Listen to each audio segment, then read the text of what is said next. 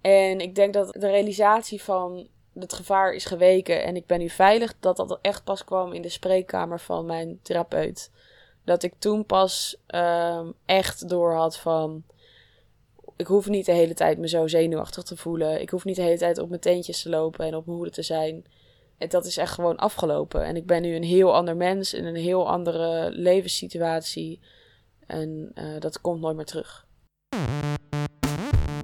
Je luistert naar Big Vegan Sister, de podcast. Mijn naam is Lisa en ik ben schrijver, trainer en podcastmaker. In deze podcast probeer ik jou en mijn vragen rond sociale rechtvaardigheid te beantwoorden en praat ik over allerlei feministische topics. Soms doe ik dat in mijn eentje en soms samen met gasten. Want ik ben dan wel je grote activistische zus. Ook ik weet echt niet alles. Deze podcast is voor iedereen die de wereld een beetje inclusiever wil maken. En of je nu net om de hoek komt kijken of al een doorgewinterde activist bent, je bent welkom. Welkom bij een nieuwe aflevering van Big Vegan Sister, de podcast. Vandaag ga ik in gesprek met Tessel ten Zwegen en zij is feministisch kunstenares en schrijfster. Ze schreef het boek Dat zou jij nooit toelaten als liefde giftig wordt, waarover we vandaag in gesprek gaan. En ik heb het boek al mogen lezen voorafgaand aan deze opname en my god, wat een goed en belangrijk boek is dit. Dus mijn complimenten Tessel. Dankjewel. We nemen dit gesprek op op afstand.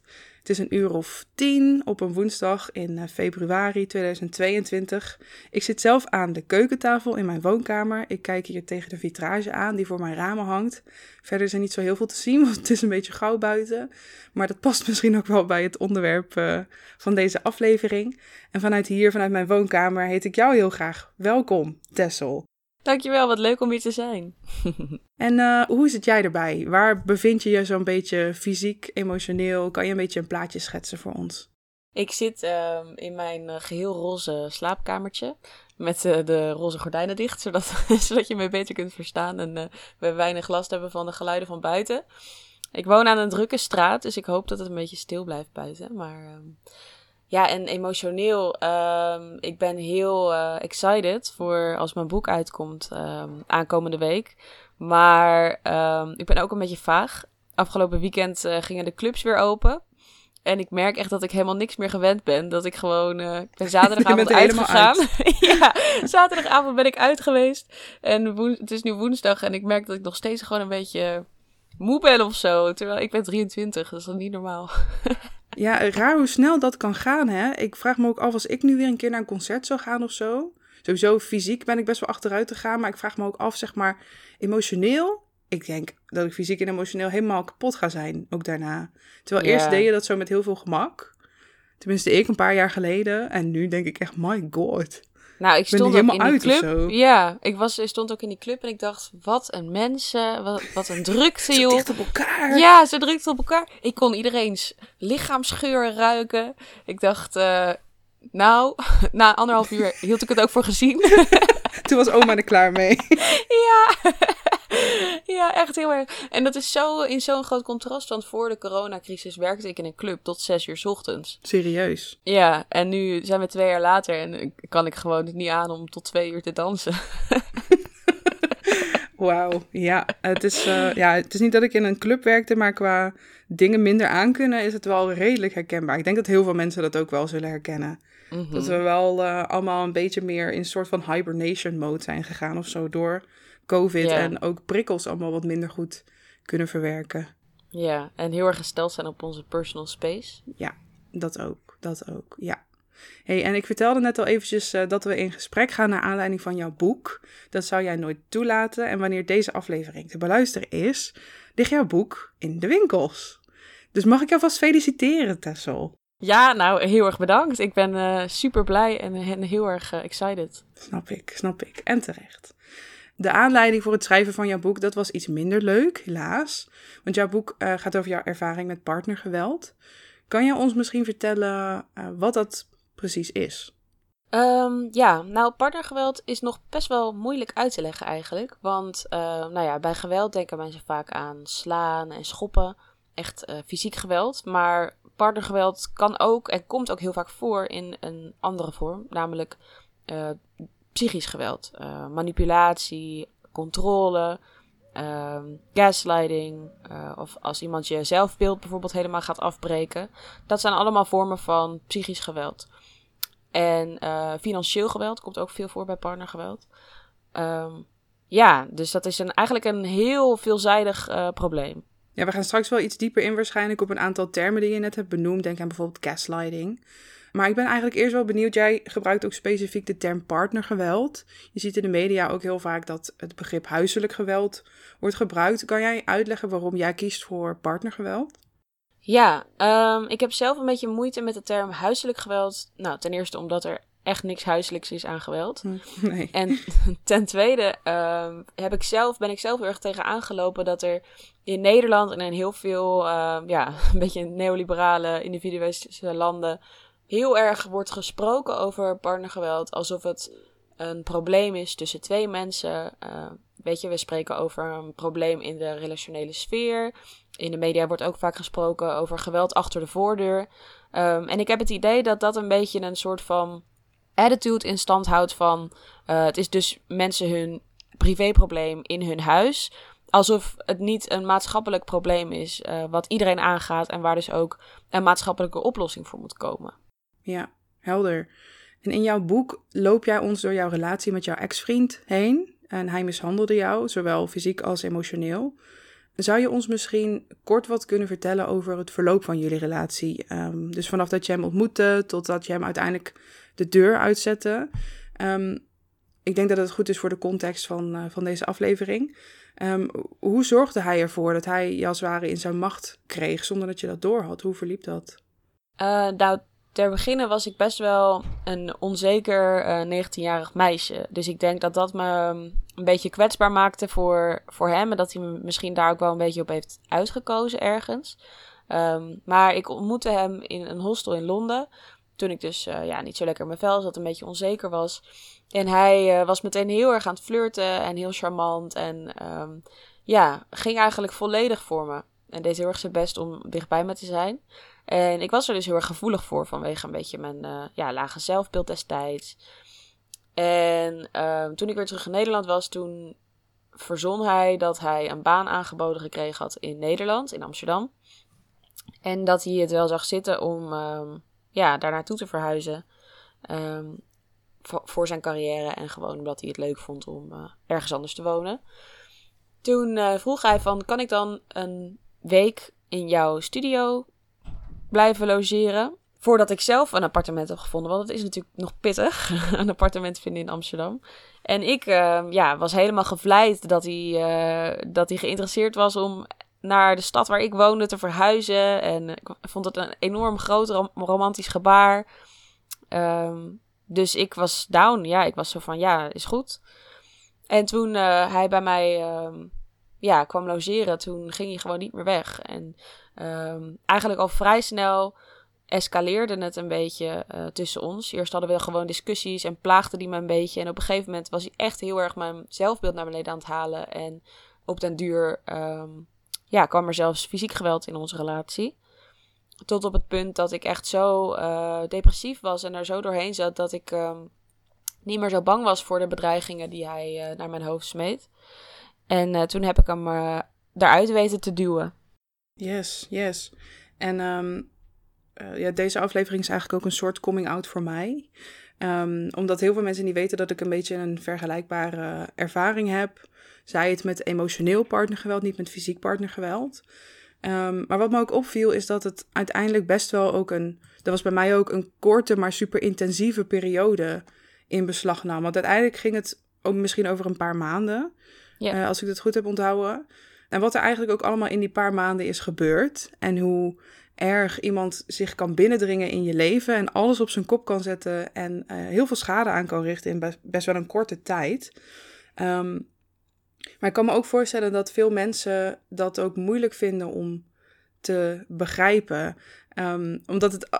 Ik vind het heel knap hoe je het bijvoorbeeld hebt uitgelegd in dit boek. En ik zou graag straks ook nog even met je over hebben hoe dat was. Want je hebt alles heel chronologisch opgeschreven, heel erg tot in detail. Als ik zelf terugdenk aan mijn tijd met mijn ex-vriend, zijn het, is het een waas waar soms al random dingen van omhoog komen. Dus daarom is het vaak ook heel moeilijk om aan andere mensen te vertellen van, oh ja, zo is het gebeurd en dit zijn de mechanismen die erachter zitten. Maar die mechanismen, denk ik, zijn zo belangrijk om te benoemen. En dat doe jij ook heel goed in jouw boek. Er zijn een aantal termen die je benoemt. Straks had je het bijvoorbeeld al even over gaslighting. Er zijn een paar andere termen die je benoemt in jouw boek. Kun je ons misschien iets vertellen over die mechanismen die meespelen en die ervoor zorgen dat zo iemand je steeds wat meer in zijn macht krijgt? En dat kan dus een hele korte periode in beslag nemen. Dat gaat heel snel. Um, maar om mensen die dit zelf niet mee hebben gemaakt, misschien wat meer inzicht erin te geven. En mensen die het wel hebben meegemaakt, misschien het vocabulaire te geven om daar beter over te kunnen praten. Ja, nou allereerst natuurlijk super, uh, ja, super vervelend om te horen dat jij dat ook hebt meegemaakt. En ja, het is altijd, uh, ja, het is altijd een, een, een beetje een um, dubbel gevoel. Want aan de ene kant is het fijn om met andere slachtoffers hierover te praten, omdat je elkaar begrijpt en je voelt je minder alleen. Maar aan de andere kant uh, is het ook zo verdrietig als je hoort hoeveel dit voorkomt. En dat er zoveel Absoluut. mensen zijn met vergelijkbare verhalen. Ja, ja um, en het was voor mij ook. Het was heel erg fijn en helend om jouw boek te lezen. En aan de andere kant bemerkte ik echt een fysieke reactie bij mezelf. Yeah. En dat, ik ben hiervoor in therapie geweest, net als jij. En toch zit er ergens nog zo'n bepaald trauma dat daar wordt, door wordt getriggerd of zo. Een hele fysieke reactie bracht het teweeg. En ik merkte ook dat ik op sommige momenten echt een beetje terugkwam in die in het gevoel van wat ik had tijdens die abusive relatie. En dat ik mezelf echt soms even moest terugsnappen naar de werkelijkheid van nu. Omdat ik bijna um, uh, Randy zat dan naast mij en ik zat zo, het is mijn huidige vriend, de liefste jongen van de wereld. Maar ik zat zo in die mindset dat ik even terug was bij, in het gevoel van de abuser zit naast me, zeg maar. En daar schrok ik mhm. best wel van. Maar goed, hè? dat even achterwege. Dankjewel dus voor het boek. Maar ik, ja, ik vind het ook altijd moeilijk om te horen als, als andere mensen het ook hebben meegemaakt. Het is fijn om het met elkaar erover te kunnen hebben. Het is moeilijk dat anderen het ook mee hebben gemaakt, omdat je weet hoe verschrikkelijk het is of kan mhm. zijn. Ja, ja, inderdaad. En, en op terug te komen op je vraag, het is, uh, dat, dat, is, dat is het fijne aan met andere slachtoffers over praten, is dat ik het idee heb dat mensen die het niet hebben meegemaakt gewoon bijna niet kunnen begrijpen omdat ik heel vaak dingen lees of zie van mensen. Nu bijvoorbeeld ook met uh, Jamie Vaas en Leeuw Kleine. Uh, dat mensen zeggen van. Oh, ik was na die eerste tik al lang weggegaan. En uh, ze blijft alleen maar voor het geld en dat soort dingen dat ik denk, je kan dat niet weten. Want um, partnergeweld, weet je, dat klinkt misschien als uh, een evenement waarin een, een, een man zijn vrouw slaat of zo. Maar daar gaat heel veel aan vooraf. En um, partnergeweld is net zo goed een soort van mentale gevangenis waar je in zit. Ik bedoel, je wordt gemanipuleerd, je wordt gegaslight. Um, het is niet alsof je als rationeel mens ineens een klap uh, in je gezicht krijgt. Je wordt daar echt een soort van mentaal voor afgebroken eerst. Ja, ja helemaal uh, geconditioneerd eigenlijk. Precies, of hij zegt daarna sorry, hij schrikt heel erg van en, en hij zou het nooit meer doen. Of er zijn andere dingen waar, waarvan je denkt, oh ik ben hem, hen of haar iets verschuldigd. Uh, weet je wel? Dus het zit echt zo complex in elkaar. En ik denk eigenlijk dat alleen mensen die het hebben meegemaakt dat echt helemaal kunnen bevatten. Ja, ik denk het ook. Toevallig, ik heb vannacht echt ongelooflijk slecht geslapen. En ik werd om half vijf wakker en ik moest zo nodig naar de wc. En op het moment dat ik zeg maar in het donker uit bed stapte en langs bed liep en Randy werd even wakker en die zei, wat ga je doen? En ik zei, ja, ik ga even naar de wc. Bedacht ik me, als, ik, als dit was gebeurd ten tijde dat ik nog in die abusive relatie had gezeten, dan was mijn toenmalige vriend was super boos geworden op mij omdat ik s'nachts naar de wc moest. Zeg maar, omdat ik naar mijn lichaam luisterde en ja. um, uh, ging doen wat ik even moest doen. Um, ja, echt dat je daar als, als het ware voor gestraft werd dan vervolgens een hele dag of misschien wel een hele week. Um, en ik denk dat dat soort dingen ook voor mensen zo moeilijk zijn om te begrijpen als je het zelf niet meemaakt. Dit herken ik zo erg. En dat je gewoon op den duur, als je zeg maar al weken of een maand of zo bij iemand zit die dus om dat soort dingen boos wordt, dat je dat op een gegeven moment heel erg gaat internaliseren. Dus dat je gewoon niet eens meer gaat nadenken van, hmm, is dit eigenlijk wel rationeel dat hij hier boos om wordt? Of is het eigenlijk wel normaal? Dat je gewoon automatisch al gaat denken, ik kan dus niet s'nachts naar de wc, want dan wordt hij boos en ik wil mezelf niet in gevaar brengen.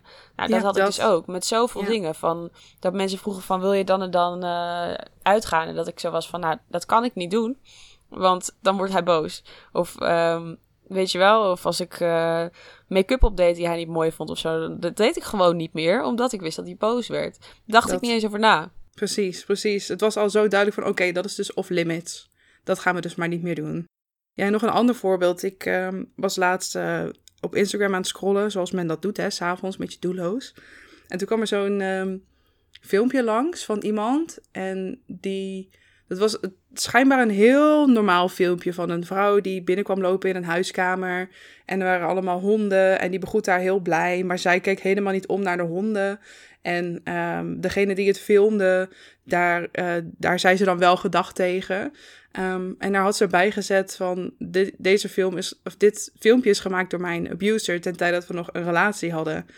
En alle mensen die zelf niet een abusive relatie hadden meegemaakt, die zetten eronder: waarom begroet je de honden niet? Ze zijn zo blij. Waarom zeg je niks tegen de honden? En alle mensen die wel een abusive relatie hadden meegemaakt, die zeiden: ik zag meteen wat hier aan de hand was.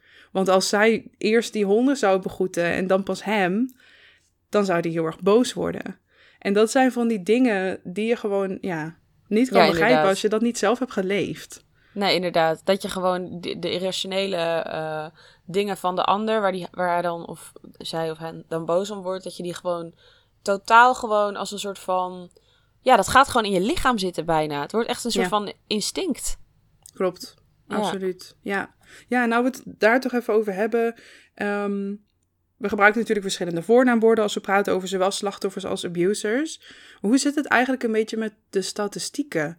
Um, ik bedoel, iedere vorm van partnergeweld is verschrikkelijk, zou niet voor moeten komen. Maar zijn er bepaalde groepen waaronder het bijvoorbeeld meer voorkomt dan onder andere groepen? Ja, um, nou ja, vrouwen zijn uh, over het algemeen veel vaker slachtoffer. En um, in 91% van de gevallen van fysiek partnergeweld zijn mannen de dader. Maar het komt ook veel voor in lesbische relaties, in uh, homoseksuele relaties. Uh, dus het is nooit uitsluitend. transvrouwen en biseksuele vrouwen die krijgen bij uitstek het meest te maken met um, geweld, met seksueel geweld met name. Um, dus ja, daar zijn heel veel specifieke zaken in. Maar in mijn boek probeer ik ook alle um, ja, slachtoffers en daderdynamieken aan bod te laten komen. Maar het gaat wel voornamelijk over uh, mannelijke daders en vrouwelijke slachtoffers. Omdat dat natuurlijk gewoon op mijn uh, ervaring het best toepasbaar is. En omdat het ook echt het meeste voorkomt. Over uh, hoeveel non-binaire mensen slachtoffer worden van partnergeweld in Nederland is niks bekend. Omdat non-binaire mensen vaak nog niet worden meegenomen in statistieken en tellingen. Dus dat is ook wel heel schadelijk. Omdat het natuurlijk, we weten dat trans mensen vaker slachtoffer worden van geweld. Um, dus dat er dan geen zicht is op de non-binaire gemeenschap, dat is wel kwalijk. Ja, is zeker heel kwalijk.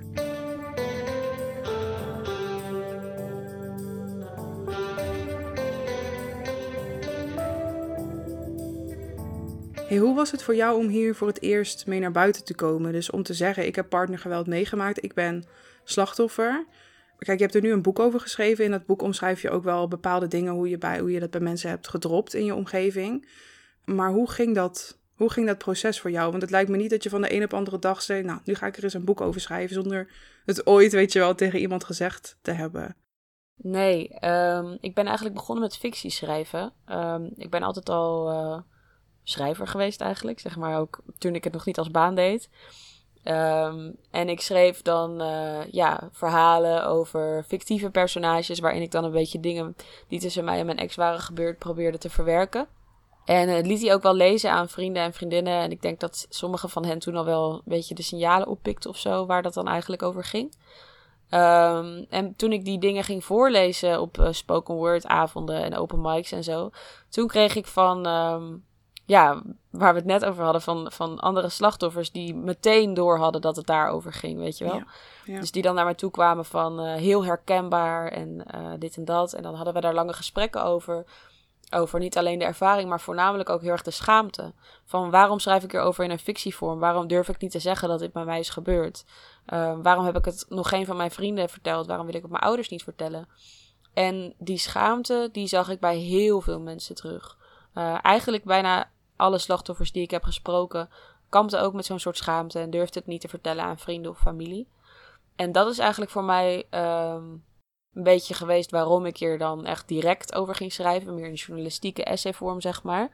Omdat ik dacht, als wij allemaal ons doodschamen en denken dat wij als enige zo zwak zijn geweest om dit toe te laten. Weet je wel, dan, dan zijn we allemaal afzonderlijk van elkaar aan het lijden. En uh, ja, blijft die schaamte in stand uh, gehouden uh, worden. Maar ik denk echt dat die schaamte dodelijk kan zijn. Omdat als mensen steeds maar stil blijven, ja, dan gaan ze ook niet om hulp vragen. En daarom ben ik eigenlijk begonnen met hier dan ja, direct over schrijven. Maar ik vond dat echt doodeng. Ja, dat kan ik me echt voorstellen.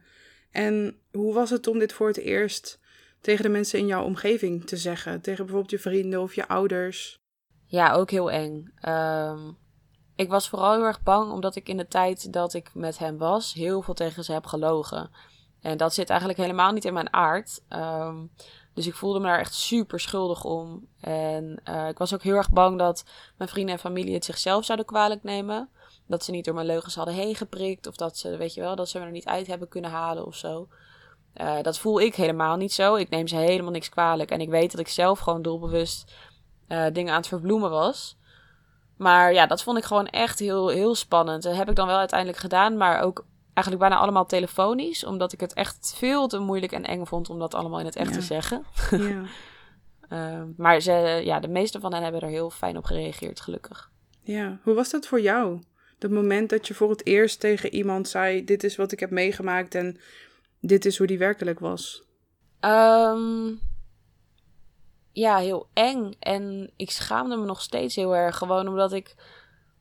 Ja, ik, heb een, ik had een bepaald beeld van mezelf. En ik heb een bepaald beeld van mezelf. Dat ik een beetje een best wel um, onafhankelijke, uh, intelligente vrouw ben. En dat ik beter zou moeten weten of zo.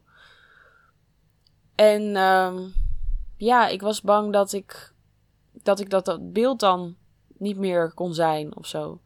Ik was ook bang dat mijn vrienden anders naar me zouden gaan kijken. Of ja, en het is ook gewoon een beetje. Het is, er zit iets gênants aan, weet je wel. Van dat je zo. Um, nou ja, of verliefd of geïntimideerd of wat is het uh, bent.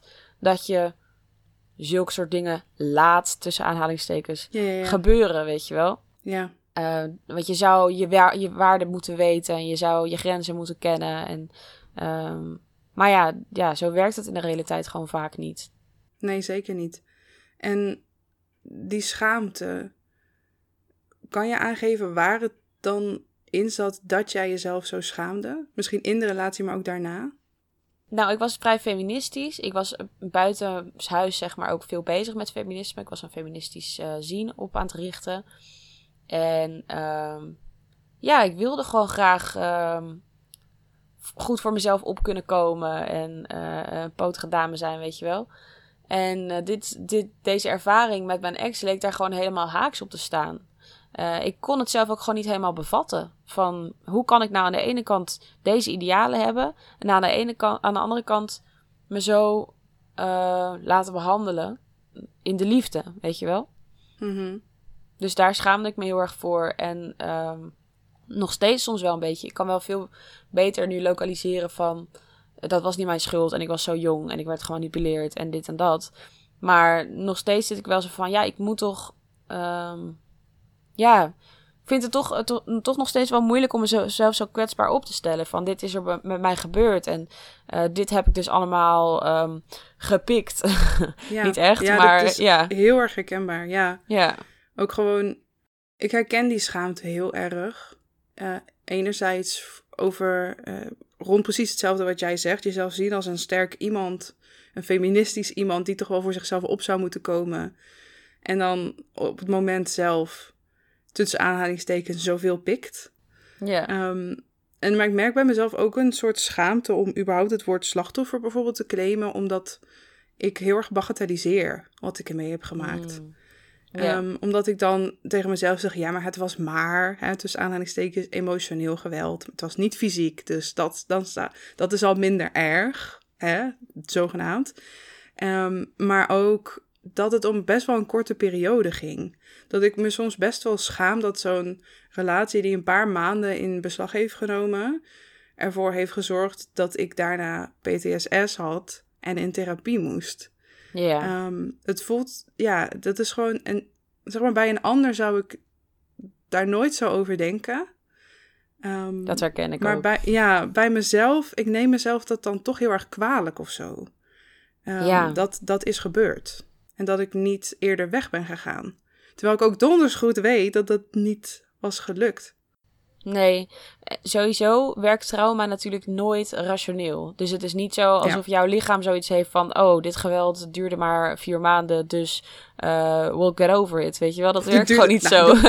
Ongeveer vier maanden zijn we er ook alweer vanaf. Precies, dat is gewoon niet hoe het werkt. Ik heb dat echt geprobeerd. Ik was toen aan het einde van mijn relatie was ik echt zo van, nou ja, oké, heel vreemde situatie dit allemaal. het was een, het was een eh, wild ride deze afgelopen paar maanden, maar nu ga ik er lekker nooit meer over nadenken en dan is het lekker niet gebeurd.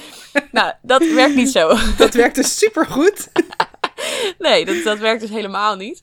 Eh, dus, dus ja, daar hoef je. Ik snap dat bagatelliseren heel erg. Ehm, vooral inderdaad omdat er heel weinig erkenning is voor psychisch geweld. Het is in Nederland nog niet eens strafbaar zelfs. Ehm, maar ehm, ja, dat je daar een lichamelijke reactie op hebt of dat je daar PTSS van hebt, dat is zo buiten jouw ehm, ja, eh, macht. En het is zo iets waar je gewoon totaal niks aan kunt doen. Dus om je daarvoor te schamen of je daar ehm, schuldig of zo over te voelen, dat, dat, dat, ja, dat, dat moet je niet doen. Nee, nee, het staat Nee. helemaal nergens op. Nee, als ieder ander dat tegen mij zou zeggen, zou ik zeggen, doe eens even normaal. Precies, ja. Maar hè, bij jezelf is dat dan toch weer, ben je de uitzondering of zo voor jezelf? Ja, dat heb ik ook inderdaad. Dat als, als andere mensen tegen mij zeggen van... Oh, en ik geef mezelf de schuld, want ik had eerder weg moeten gaan... en ik, ik ken mezelf helemaal niet terug... dan zou ik denken, nee joh. Terwijl bij mezelf ben ik nog steeds inderdaad van... Tessel, kom op, kom nou wat beter voor jezelf op... en je weet zo goed wat je wil en je bent zo slim en la la. Ja, Ja. ja. Neem je jezelf ook nog wel eens dingen kwalijk?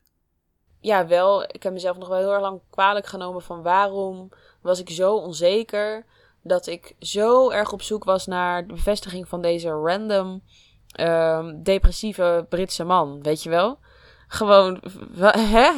Ja, ja sorry dat ik lach, maar dit is zo intens herkenbaar. Ja, toch? Ja. Want wat Ja. ik ook heel herkenbaar vond, dus jij had eigenlijk ook een heel fijn netwerk van mensen om je heen. Je had fijne Ja. vrienden, je had fijne ouders, best wel geliefd door veel mensen. Ehm, een goed vangnet om je heen. Dat is precies wat ik ook had.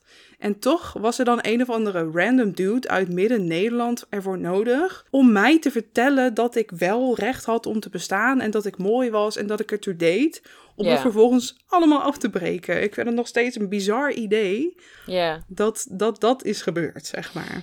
Ja, ik denk dus eigenlijk dat dat best wel meespeelt ook. Gewoon eh, sowieso wordt je natuurlijk als vrouw verteld dat bevestiging van een man, een romantische bevestiging, eh, eigenlijk een beetje je levensdoel is.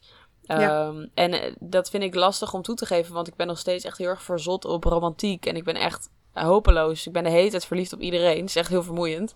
Maar ja, dat, dat is denk ik wel wat je ehm, ook heel erg in zo'n situatie kan helpen. Dat je zo erg bezig bent met eh, ja, de- die bevestigingen en dat hij bijvoorbeeld naar Amsterdam wilde verhuizen. Nu zou ik denken, what the fuck? Wie gaat er nou zijn totale leven eh, in een andere stad achterlaten of voor iemand die je een weekend hebt gezien, weet je wel? Maar toen dacht ik, oh my god, wat een groot romantisch gebaar. Ik moet hier Ja. dankbaar voor zijn. Zo vereerd, ja. Ja, ik voelde me vereerd dat deze volwassen man in mijn 19-jarige ielige zelf eh, interesse toonde. Eh, en daar, dat neem ik mezelf nog wel kwalijk. Dat ik denk, ik had toen gewoon al moeten weten van... Ja, dat, eh, ik ben hier prima, ik heb het prima in mijn eentje. Ik ben lekker een onzekere student eh, die net eh, naar een nieuwe stad is verhuisd en het allemaal nog niet weet. En dat mag ook gewoon. Ja, wat dat betreft is het ook, wat je eerder al zei, echt wel, denk ik, een maatschappelijk probleem. En ook een feministische issue. Ehm, over dat we dus echt met heel veel mensen tegelijk geloven dat er een ander nodig is om ons toestemming te geven om ook van onszelf te houden. Ehm, en ook als we zien hoe hier überhaupt over wordt gepraat, in de media bijvoorbeeld, je benoemde het straks al even, Deel Kleine, Jamie Vaas, de hele situatie die nu volop in het nieuws is en wat, waar iedereen dan iets van vindt. Mhm. Hoe is dat voor jou als, als ook slachtoffer? Ehm, hoe is dat voor jou om al die dingen langs te zien komen en reacties van mensen erop te horen en eigenlijk geïllustreerd te zien wat het grotere probleem is hierachter. Ja, ehm, ik word er heel pessimistisch van. Ehm, de dingen die Jamie Vaas over zich heen krijgt, vind ik echt verschrikkelijk. Echt niet normaal. En ook uh, wat ook heel erg meespeelt, denk ik, is dat zij. Um, het komt ook in mijn boek naar voren. Daar heb ik het op een gegeven moment over de Madonna Horror Complex. Um, dat er een soort van cultureel beeld is van uh, vrouwen als ofwel een soort van heilige maagd, ofwel een hoer. En ja, uh, Jamie Vaas. Ertussenin. Nee, niks ertussenin. En Jamie Vaas is natuurlijk een een bekende Nederlandse vrouw met uh, botox in haar gezicht en uh, flinke borsten en een publiek figuur, weet je wel. Dus zij wordt al heel snel een beetje in dat hoorboxje geplaatst. En dat zie je ook heel erg in de manier waarop zij wordt gevictimblamed. Dat mensen uh, onder dingen reageren van... Um, dat ze er toch alleen maar is voor het geld en dat ze toch niet van hem kan houden. Of weet je wel, dat soort dingen. En dat ze dom is. Nou ja, dat vind ik allemaal zo ontzettend naar om te lezen. Dat ik denk, sowieso is victim blaming altijd verschrikkelijk. En um, wens ik Jamie Vaas alle sterkte en rust toe. Het zal voor haar ook heel moeilijk zijn dat haar situatie het zo wordt ontleed door uh, iedereen. Um, maar dat, ja, dat mensen dan zo kortzichtig en, en gewoon verschrikkelijk zijn dat ze iemands persoonlijke expressie of zo uh, zo laten meewegen in hoe ze iemand beoordelen. Dat Ja, alleen omdat zij botoxlippen heeft, dat ze dan dus geen waardig slachtoffer is of zo, Ja. weet je wel? Ja, maar dan krijg je ook weer de vraag: wie mag dan wel slachtoffer zijn? Nou, dat is inderdaad. Ik heb hier laatst, eh, ik, ik heb er laatst een Instagram post over gemaakt. Ik kan wel even Ja, erbij Pak halen. hem erbij. Eh, dat was volgens mij in de zomer. eh, was er een eerste moment dat eh, Jamie Vaas en Leeuw Kleine dus in opspraak kwamen vanwege uh, vermeende mishandeling. En toen had ik de volgende comments gevonden op Instagram. Iemand die zei: Jamie Vaas, je wilt natuurlijk eerst trouwen voor je kan cashen. Die bruiloft kon steeds niet doorgaan, dus dat is nog even wachten voordat je toe kan slaan. Um, iemand anders commentte: Als Jamie wat geld krijgt van Kleine, dan is het wel weer goed, denk ik. Hashtag golddigger. Uh, oh ja, dit vond ik ook echt een belachelijke comment. Iemand zegt: Jullie praten en weten niet eens wat er gebeurd is. Misschien is zijn vriendin wel vreemd gegaan en heeft er daarom een paar klappen gegeven. Oh mijn god. Iemand anders reageert: Het is een stunt. Op 24 juni komt de real life van Jamie Vaas online. Dit is gewoon reclame, zodat iedereen gaat kijken. Alles voor de likes. Oh mijn god. Iemand anders reageert: Oh, dus die opgezwollen lippen komen daardoor. Nee. Oh my god. Dus dit is ook weer zo'n typisch geval van. Alleen omdat zij een, een publiek figuur is, uh, omdat ze er misschien seksueel uitziet of zich seksueel draagt of zo, uh, gaan mensen dat meenemen in haar oordeel over haar en of ze dus wel of niet een geloofwaardig slachtoffer is. Wauw. En dan zijn mensen verbaasd over dat slachtoffers niet met hun ervaring naar buiten durven te komen. Nou, precies dat inderdaad. Ik denk ook dat dit heel erg illustreert hoe er überhaupt vaak wordt gedacht over slachtoffers en ook slachtofferschap. Um, en ook dat als je dan vervolgens hulp zoekt, dat je soms dan ook in een soort hol van de leeuw terechtkomt. Inderdaad. En dat je bijvoorbeeld hulp zoekt bij de politie. En dat, er, dat je vervolgens niet geloofd wordt. is natuurlijk allemaal gewoon onderdeel van een enorm groot toxisch systeem van, ik denk, giftige mannelijkheid.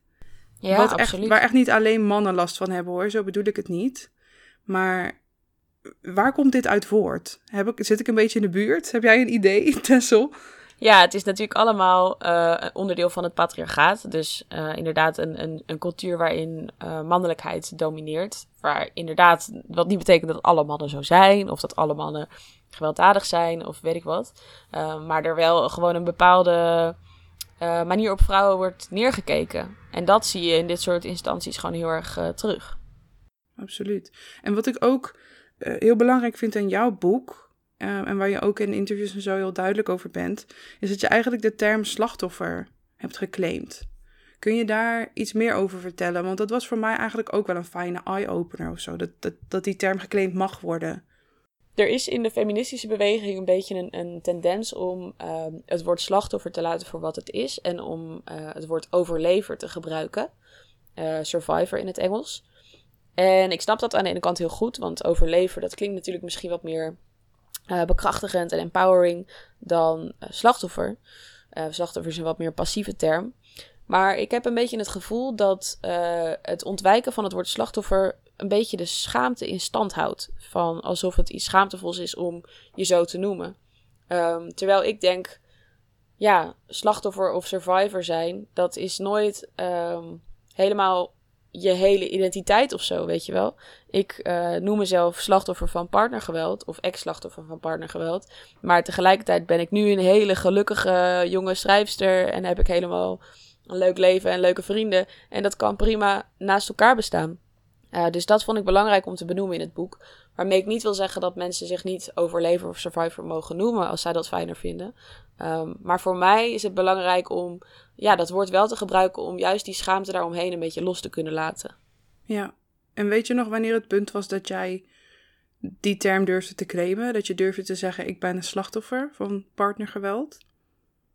Um, ja, ik was dus eerst uh, nadat die relatie was afgelopen heel erg in de ontkenningsfase. In mijn eigen hoofd was ik ook gewoon zo van: ik ga er niet over praten, ik ga er niet meer over nadenken en dan is het gewoon niet gebeurd.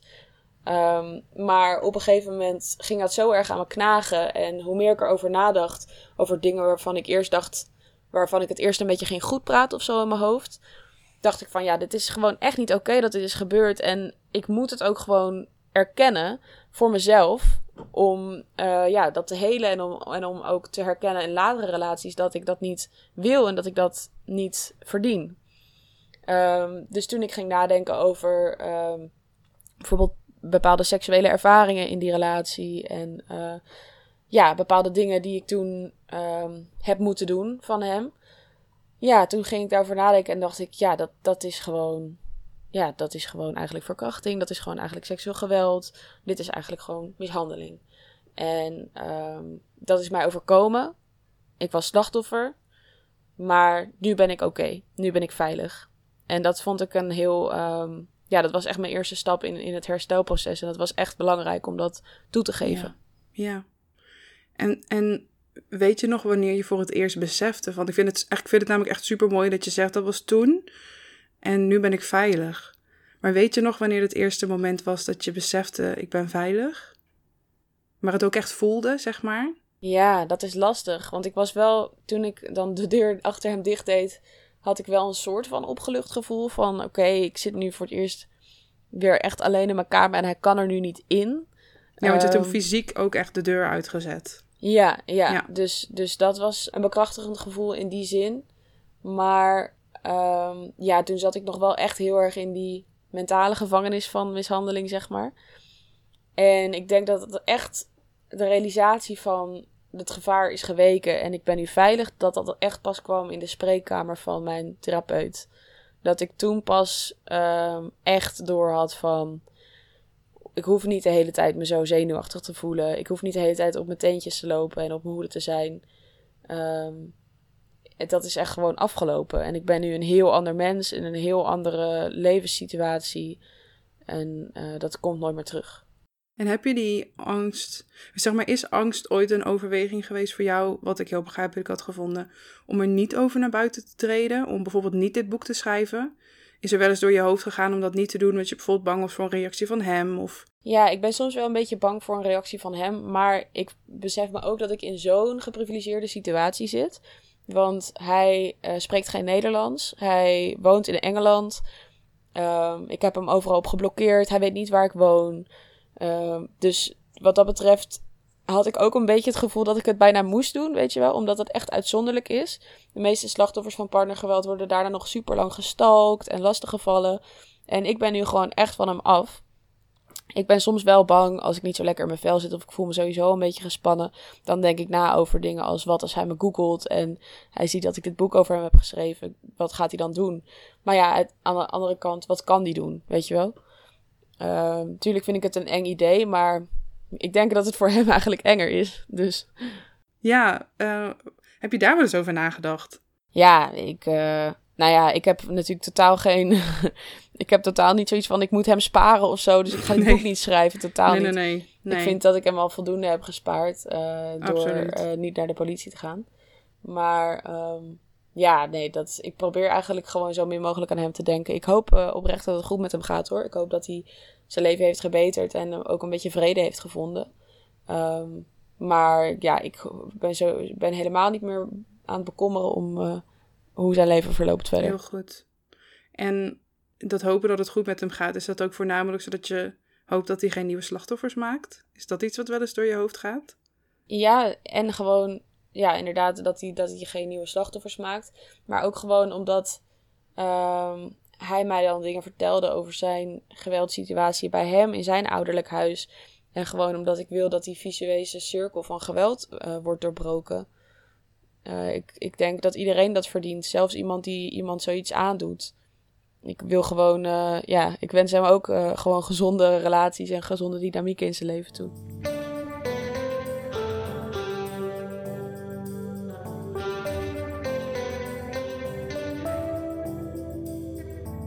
Ik ben eigenlijk ook nog wel benieuwd naar hoe het überhaupt was om al deze momenten weer boven te halen. Want ik zei eerder ook al, je hebt um, echt best wel tot een detail situaties omschreven. Heel chronologisch ook. Ik kan me voorstellen dat toen je daar net uitkwam en misschien nog niet in therapie was ook, dat het misschien net als voor mij één grote waas was. Met af en toe dingen die omhoog popten wanneer je misschien ergens door werd getriggerd, bijvoorbeeld. Um, hoe was dat om, om om die momenten weer boven te halen en een soort chronologisch tijdspad te maken. Hoe heb je dat ervaren? Hoe heb je dat gedaan, maar ook hoe heb je dat ervaren? Um, ja, daar heb ik het veel ook met mijn redacteur over gehad. Want wat jij zegt, um, ik denk toen ik in therapie zat, toen kwamen heel veel dingen wel weer naar boven. Um, heel veel momenten en heel veel uh, herinneringen. Maar inderdaad, de chronologie is mij best wel ontsprongen hoor. Dus ja. dat heb ik ook wel gewoon een beetje gerandomized. zeg maar, ik wist natuurlijk nog wel. Um, alle dingen die in het boek staan beschreven zijn echt gebeurd. Maar in welke volgorde, dat weet ik niet meer helemaal. Dat, dat is echt onmogelijk om uh, ja. vanuit een PTSS-situatie ja, te dat gaat ontrafelen. Niet. Ja. Nee, dus, um, dus dat is niet allemaal helemaal accuraat. Um, maar uh, ja, heel veel dingen waren wel te ontrafelen. Omdat ik dan wist dat bijvoorbeeld we ruzie hadden op de dag dat we naar één bepaald evenement gingen. En dan kon ik op Facebook of zo kijken welke datum dat was. Um, dus, dus wat dat betreft was het een beetje zo te reconstrueren. Maar dat was wel echt heel moeilijk. Omdat ik natuurlijk, nou ja, dat jarenlang allemaal heb weggestopt. Uh, toen in therapie ben geweest. Dat allemaal met een treinvaart naar boven kwam. En dat heel heftig was. En daarna moest ik het nog eens een keer heel klinisch gaan reconstrueren voor een boek. Um, en ik heb ook echt wel dagen gehad dat ik echt gewoon jankend op mijn kamer zat te schrijven, omdat ik het zo heftig ik vond. Ik wilde dat dus al vragen, ja. Want ik kan me wel herinneren dat ook in mijn boek staan ook best persoonlijke dingen. Ik heb soms echt gewoon keihard jankend pagina's volgeschreven. Ja. Ik vroeg me ook echt af hoe dat voor jou was überhaupt. Hoe is het emotioneel geweest om dit boek te schrijven? Ja, heel dubbel. Aan de ene kant heel uh, verdrietig en heel pijnlijk. Maar aan de andere kant voelde het ook wel heel erg helend. Vooral um, omdat ik heel veel steun heb gekregen van mijn vriendinnen. Um, ik heb hele lieve vriendinnen, Bette, Shanti en Nathalie. Die hebben heel veel uh, delen van het boek al gelezen. En ik heb er met hen heel veel over gepraat. Wat fijn. Ja, en zij lieten me ook steeds meer inzien hoe belangrijk het was dat dat boek er kwam. En hoe herkenbaar het ook voor hen was. Ook voor mensen die uh, geen partnergeweld hebben meegemaakt. Maar gewoon, ja, natuurlijk ook gewoon moeilijke relatiedynamieken hebben meegemaakt. En um, ja, ik had zoveel steun aan hen. Dus, dus dat maakt het ook wel gewoon heel fijn en helend. En ik had niet het gevoel dat ik er alleen voor stond of dat ik het alleen moest doen.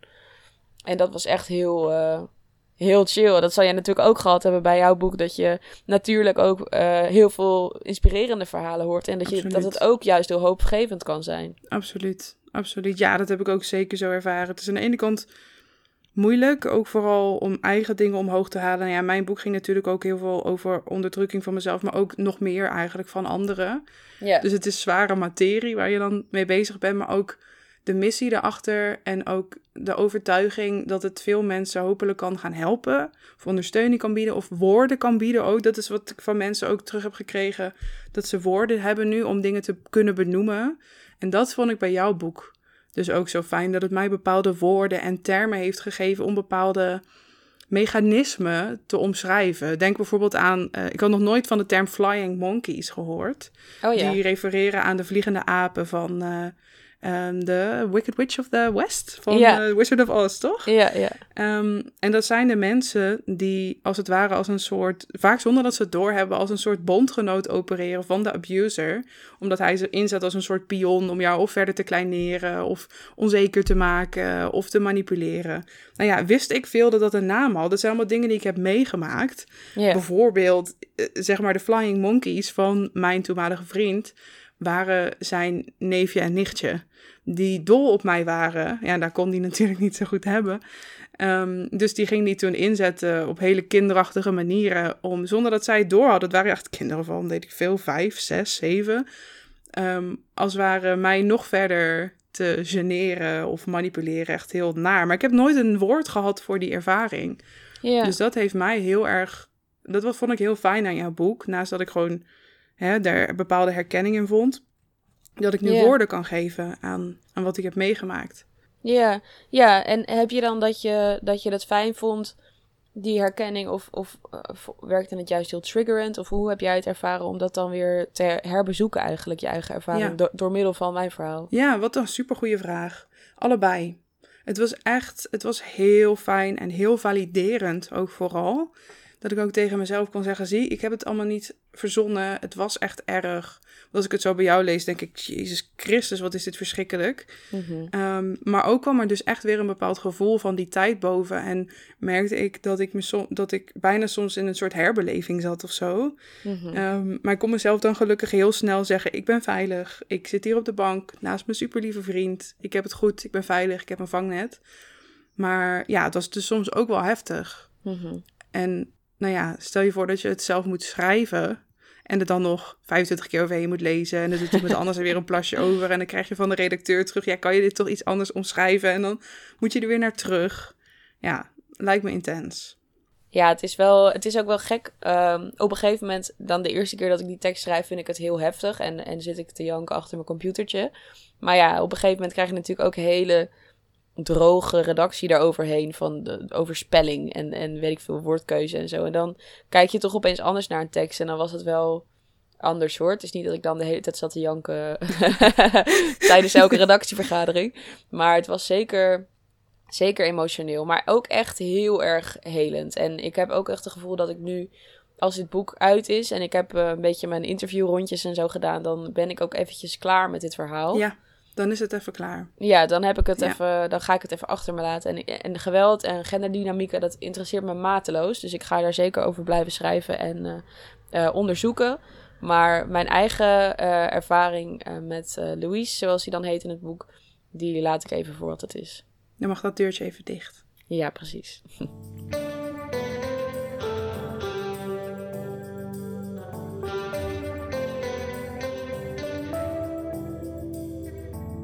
Het laatste waar ik het graag met jou over zou willen hebben is jouw herstel. In jouw boek omschrijf je ook eh, hoe dit is gegaan. Ehm, dat je nou ja, op een gegeven moment besefte van, nou, ik probeer dit weg te drukken, maar dat heeft niet zo heel veel zin. Je bent in therapie gegaan. Ehm, welke fase van herstel heb jij een beetje doorgemaakt? En, maar misschien ook waar bevind je je nu? Ehm, ja, herstel is natuurlijk nooit helemaal lineair. Dus het is altijd een beetje een golfbeweging of zo. Ik eh, heb dus eerst heel lang onderdrukt. En toen kwam een beetje het erkennen van het probleem. En dat heeft me ook wel gewoon echt een tijd gekost. Ehm, ik zat eh, in een relatie met iemand toen, ehm, toen het allemaal weer een beetje kwam opborrelen. En ik dacht, kut, ik, ik kan hier niet meer omheen. Ik moet, ehm, ja, ik moet er iets mee. En dat heeft toen ook echt mijn, mijn relatie de nek omgedraaid. Want hij was een hele lieve, lieve jongen. Ehm, maar ik kreeg er ineens zoveel stress van. Gewoon zo intiem met iemand zijn. En eh, ja, opeens een beetje achterdochtig worden of paranoïde voelen of zo. Terwijl hij nooit mij iets aan zou doen. Ehm, en dat was echt een beetje een onhoudbare situatie. Dus dat is toen uitgegaan. Ehm, daar ben ik toen natuurlijk ook dan nog even een tijdje verdrietig om geweest. En toen ik daar een beetje overheen was, eh, ben ik in therapie gegaan. En heb ik dan met EMDR-therapie en exposure therapie de grootste triggers ehm, ja, wel echt de nek om kunnen draaien.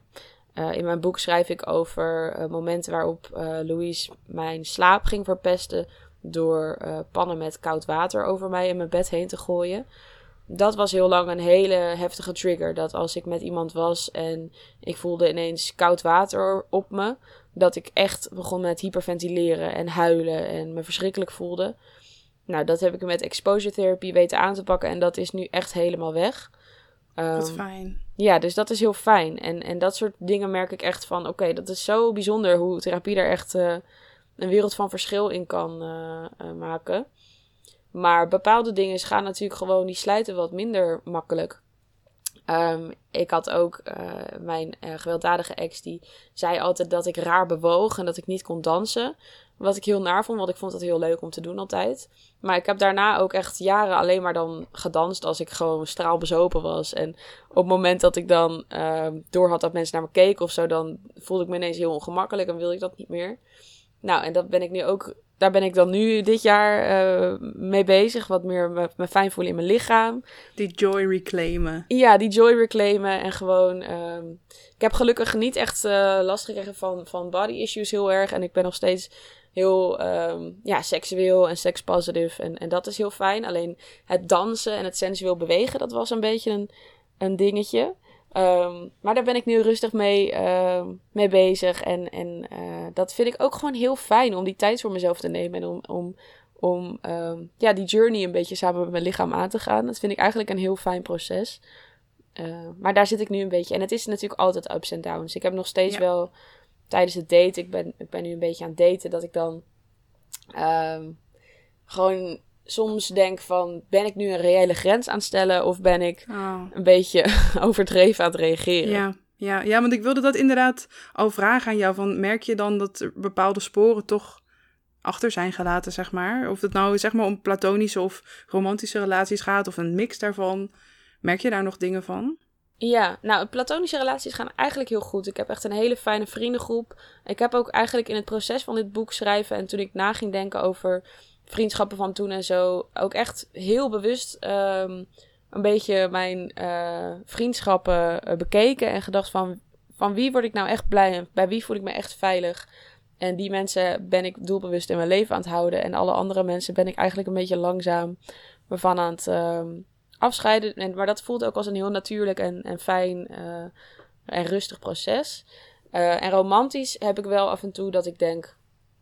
eh, dat ik af en toe opeens heel erg me paniekerig voel en denk... Oh nee, iemand die heeft verkeerde bedoelingen of zo. Terwijl diegene alleen maar twee uur niet reageert, bijvoorbeeld. Weet je wel? Ja, ja. Echt dat soort dingen. Dus dat is af en toe wel echt moeilijk ehm, aftasten. Dat ik denk, ja, is dit een traumareactie of, of is dit een grens?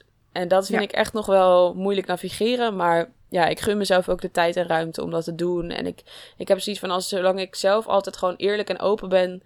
en communiceer met mensen wat ik heb doormaakt en hoe ik erin sta... dan moet het goed komen. Ehm, ja, dus dat is eigenlijk... eh, ja, ik weet niet. Ik heb het idee dat ik dat wel eh, goed doe of zo. Ik ben wel trots op mezelf. Het klinkt ook oprecht als een heel mooi en warm proces. En ik vind het heel mooi dat je jezelf dat ook gunt. ja, dankjewel. Ja, ik vind Ja. dat echt fijn. Hoe heb jij dat destijds aangepakt? Hoe ben jij weer gaan daten en zo? Ik dacht eerst, ach, ik ga gewoon lekker door, net als jij, hè. Dit is gebeurd, maar eh, ik, ik, ik had toen ook nog niet zozeer door hoeveel dit met me had gedaan. Terwijl op een gegeven moment aan het eind van die relatie was ik echt een soort bang vogeltje dat trillend op de bank zat en verder helemaal niks meer kon. Ja. Ik, ik was echt een soort dat. shell nog. Had je dat ook, ja? Ja, ja, heel Ja. erg. Ja. Ja, ik was echt een soort. Ja. Over, minuscuul overblijfsel van wat ik ooit was. En ja, ik heb me heel lang echt, echt heel verschrikkelijk gevoeld. Toen ben ik in therapie gegaan.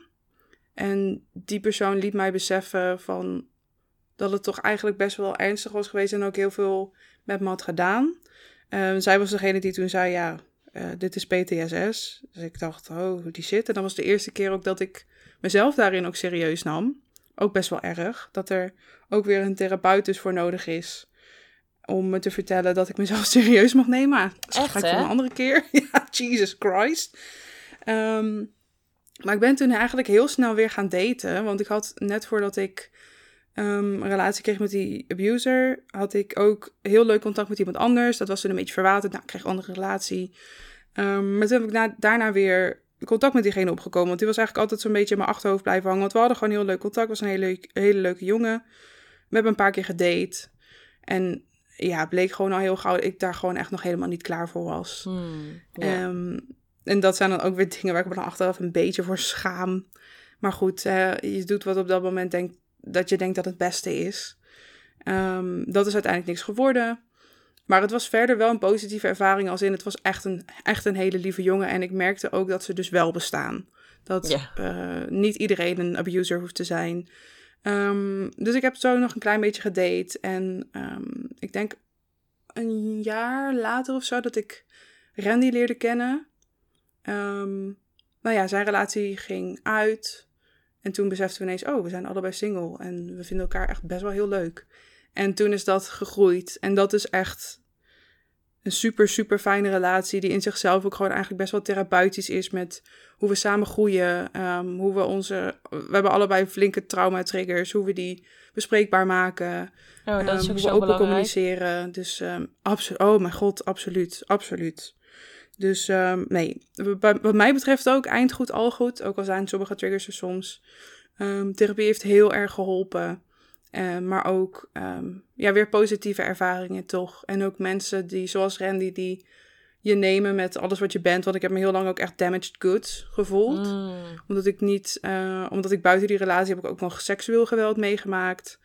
Ehm, ik ben heel erg gepest. En ik heb daarom altijd zo'n soort stempel op me voelen drukken van... Deze persoon Ja. is damaged goods, weet je wel? Ik weet niet of je dat, herkent. ook. Ja, dat herken ik ook heel Och. erg, inderdaad. Ja, Dat je denkt van, ehm, bijvoorbeeld met dat, met dat overdreven je grens aangeven of zo.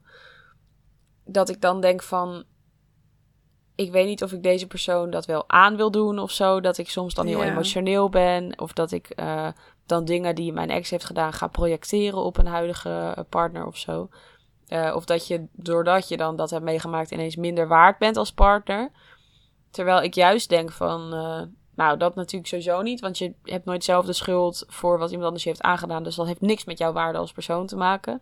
precies. Maar ook gewoon, ik vind het juist zoveel toevoegen als je met iemand open kan praten over wat er is gebeurd in je leven. Want ook als je geen ehm, geweld hebt meegemaakt, het is gewoon een, een, een basisbehoefte voor, voor emotionele relaties om goed over emoties en over Absoluut. dat soort dingen te kunnen nadenken en kunnen begrijpen.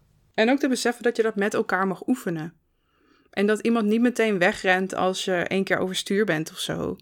En dat dingen ook goed kunnen gaan. En dat je ook die positieve ervaring weer mag hebben. Dat is voor mij heel erg belangrijk geweest. Nou, Tessel, het is eh, tijd geworden om dit gesprek af te ronden. Ik wil je er heel erg voor bedanken, allereerst. Ehm, ik, eh, ik zit er wel, eh, wel fijn bij nu. Ik vond het een heel fijn en helend en bijzonder gesprek. Maar ik ben eigenlijk wel benieuwd, hoe zit jij er nu bij? Hoe was dit voor jou? Ja, ook heel fijn. Inderdaad, echt. ehm, nou ja, dat, dat we herkenning bij elkaar vinden en elkaar begrijpen, dat is altijd echt, eh, vind ik echt heel chill of zo. Dan voel je je echt geborgen.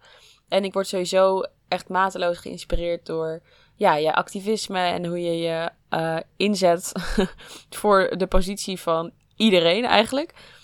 Ehm, dus Wat een compliment, dank je wel. ja, ook in, in deze context van, van seksueel geweld en partnergeweld en zo.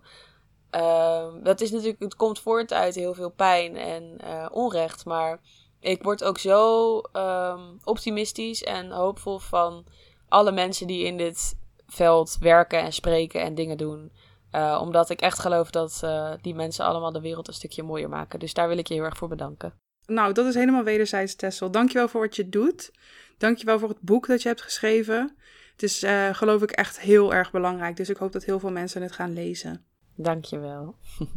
En mocht je nou hebben geluisterd en jezelf of iemand anders herkennen in dit verhaal, ik zet een aantal hulplijnen in de show notes. En dat zijn plekken waar je naartoe kan bellen of anderszins contact op kan nemen als je hulp of ondersteuning nodig hebt. Dan gaan we nu door naar een nieuwe rubriek en dat is Vraag het Lisa.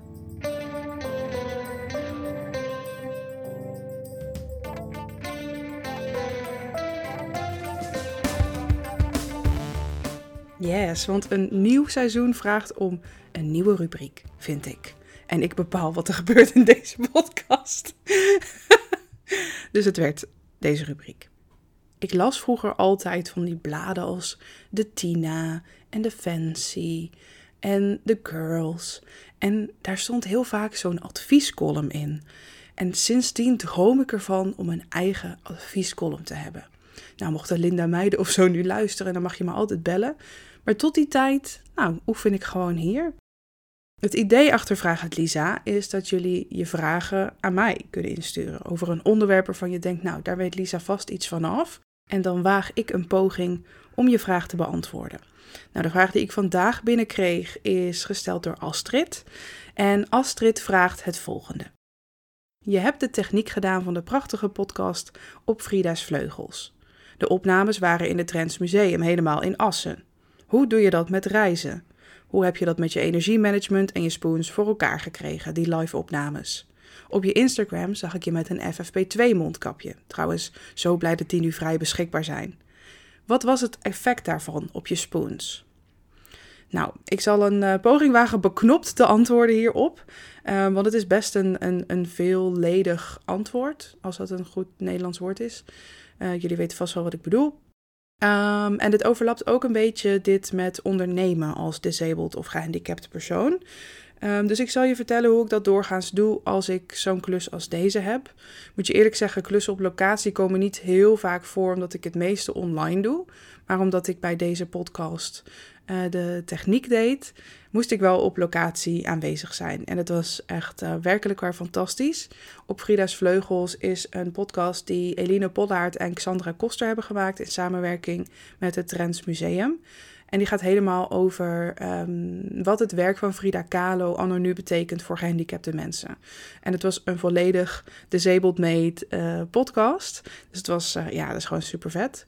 Uh, super vet dat ik daar onderdeel van mocht zijn. Dus ik had het er zeker voor over om hiervoor af te reizen naar Assen. Want dat is inderdaad nogal een onderneming. Dus ik snap heel goed waar je vraag vandaan komt. Mocht je nou nu echt voor het eerst naar deze podcast luisteren, ik ben dus disabled, um, gehandicapt zeg ik tegenwoordig ook wel. Ik ben chronisch ziek en dat betekent dat ik um, nou ja, heel weinig energie heb en heel zorgvuldig met mijn energie moet omgaan, ook lichamelijke klachten ervaar. Ik deel mijn diagnoses niet. Misschien dat ik dat ooit nog wel eens ga doen, maar op dit moment zie ik de noodzaak daar niet van in. Dus dat even voor de context. Oké.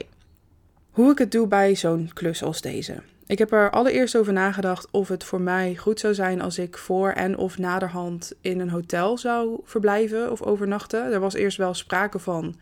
Uh, maar uiteindelijk dacht ik, nou, dit gaat me denk ik meer stress opleveren dan als ik er gewoon zelf heen reis en weer terug.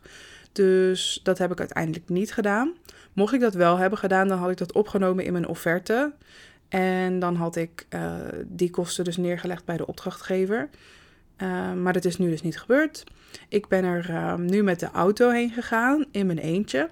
Ik mocht de auto van mijn ouders lenen. Die hebben een automaat en dat scheelt heel erg voor mijn, uh, voor mijn spoons.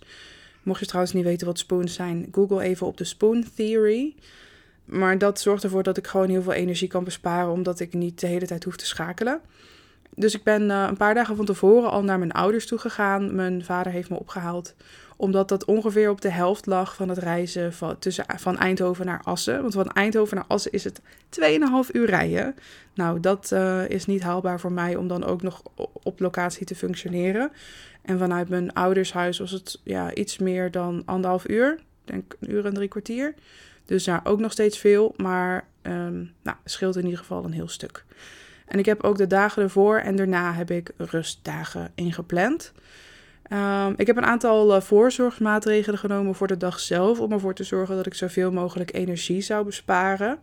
Zo hebben we afgesproken met het museum dat we niet zelf ons eten hoefden te verzorgen. Dat verzorgden zij gewoon. Het was ook super netjes verzorgd. Ik heb heerlijk kunnen eten. Met allemaal rekening gehouden met dingen als dat je vegan bent of bepaalde voedselallergieën hebt. Dat geef ik van tevoren ook altijd door dat ik veganist ben. Maar ook wat ik dan wel graag eet en wat liever niet. Want anders krijg je zo'n kale salade en daar kan ik niet op teren een hele dag. Um, ik heb van tevoren ook mijn toegankelijkheidsbehoeften doorgegeven. Um, en dat houdt in dat ik uh, bijvoorbeeld altijd een stoel nodig heb met een arm- en rugleuningen waar ik goed op kan zitten.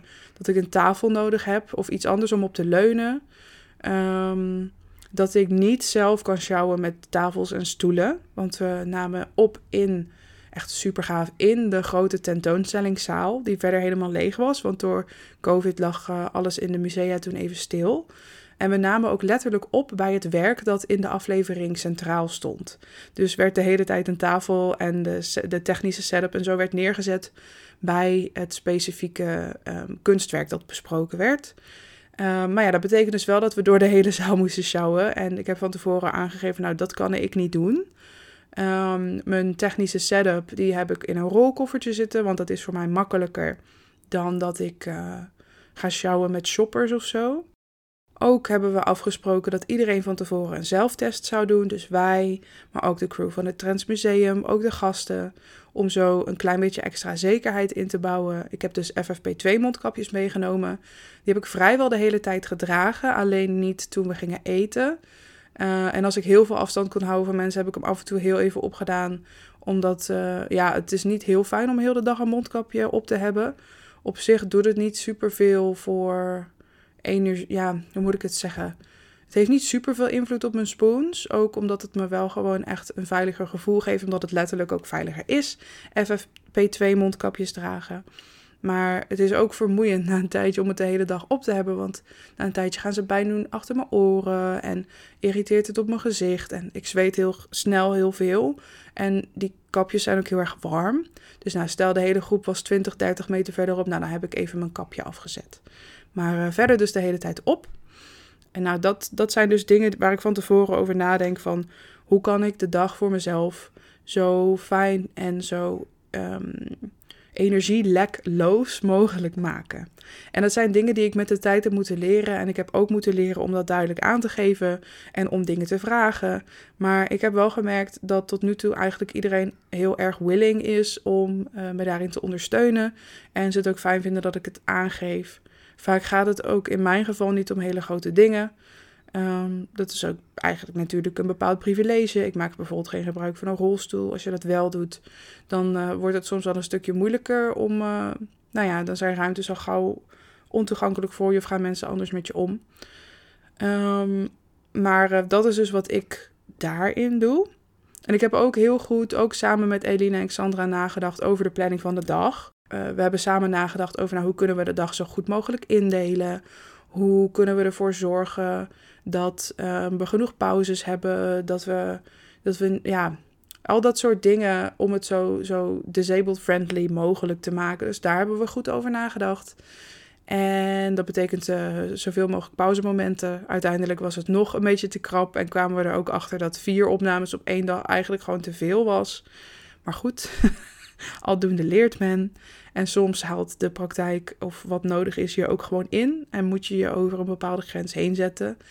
En op zich heb, doe ik dat altijd als ik een klus op locatie heb. Want ik ga ergens waarschijnlijk aan het begin van de dag al mijn grens over voor de dag. Maar dat heb ik er dan voor over. En daarom is het ook belangrijk dat ik voor en na die dag um, rustdagen inplan.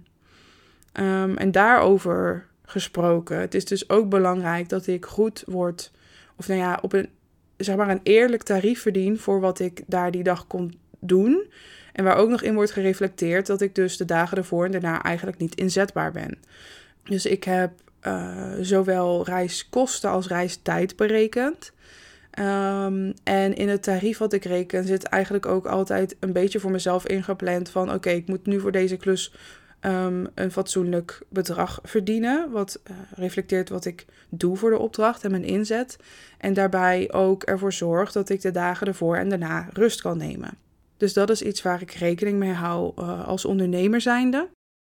En even terug naar de dag zelf.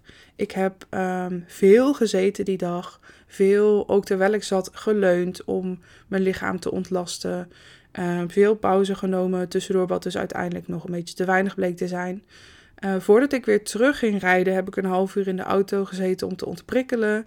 Even een beetje doelloos op Instagram gescrolld. Even voor me uitgekeken. Even bedacht wat ik dadelijk wilde gaan eten. Want ik moest natuurlijk ook nog avondeten. Nou, uiteindelijk is dat de Burger King geworden. Nou, niet mijn favoriete plek om naartoe te gaan.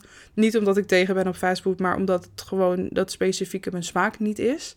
Maar het was snel en het was makkelijk en het was vegan en het was eten. En ik had eten nodig. Dus uh, um, ik heb op dat moment ervoor gekozen dus om ergens... Uh, ik heb even zo de route ingetoetst en halverwege een Burger King gevonden.